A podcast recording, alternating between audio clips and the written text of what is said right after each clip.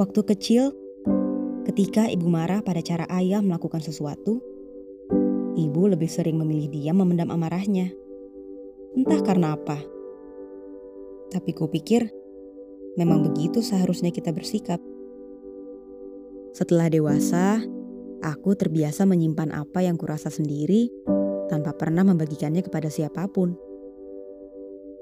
Lagi-lagi, kupikir memang begitu seharusnya kita bersikap. Beberapa waktu belakangan, aku baru saja menjalin hubungan dengan seseorang. Dan harus kuakui, ia manis, ia ramah, ia juga perhatian. Ia adalah semua hal baik yang mungkin tidak sepantasnya aku dapatkan. Lucunya, semua orang yang mengenal kami berdua selalu berkata bahwa ia beruntung bisa mendapatkanku dalam hidupnya. Padahal, kupikir akulah orang beruntung itu. Seperti lentera, ia adalah dirinya dengan segala hal baik yang menjadikannya bercahaya. Sedangkan aku, seperti gemuruh adalah aku dengan segala riuh yang menjadikan seisi kepalaku ricuh.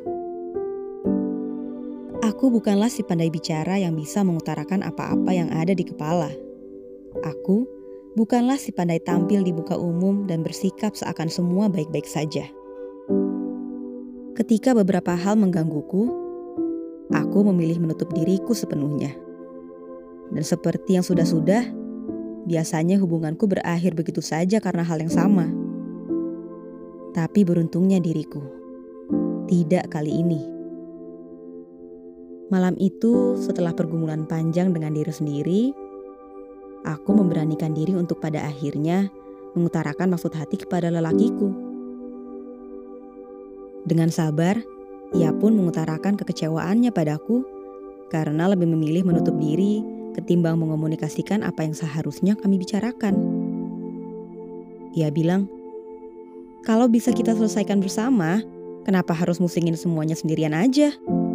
Selagi apa yang kamu rasa bisa kita tanggung sama-sama, aku akan mencoba untuk gak ke mana-mana." Waktu kecil, ketika ibu marah pada cara ayah melakukan sesuatu, ibu lebih sering memilih diam memendam amarahnya. Kupikir memang begitu seharusnya kita bersikap. Tapi aku baru ingat, ayah akan dengan sabar menanti ibu mereda sebelum akhirnya membicarakan apa yang seharusnya mereka rundingkan bersama. Dan ternyata baru sekarang aku mengerti bahwa diam tidak akan membuat siapa pun paham akan apa yang kita rasakan. Utarakan, utarakan, utarakan apa pun yang mengganjal di hatimu. Percayalah, mereka yang sudah memilih untuk tetap ada di hidupmu akan mendengarkan semuanya.